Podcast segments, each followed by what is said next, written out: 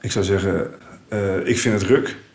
Het is ruk, vind ik eigenlijk prima. Kritiek. Nou, dan weet je gewoon dat iemand het niet goed vond.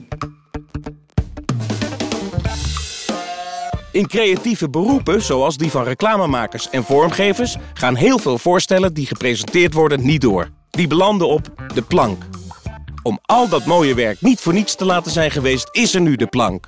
Een podcast waarin telkens één creatieve maker zijn of haar beste afgeschoten idee nog één keer mag presenteren.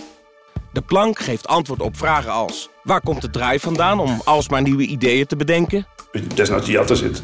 Uh, vind ik ook prima. Maar dan wordt het in elk geval gemaakt. Hoe verloopt de ideale presentatie? Je doet iets, dan wil je ook eventjes, dat, zeker bij een pitch of zo, dat mensen een beetje opletten. En wanneer gaat het finaal mis? Bij dan uh, de baas het zich permitteert om op zijn telefoon te gaan zitten om aan te geven van, uh, dit hoeft voor mij niet meer.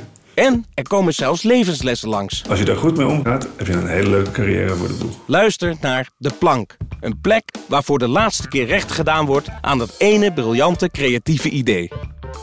Je vindt De Plank in je favoriete podcast-app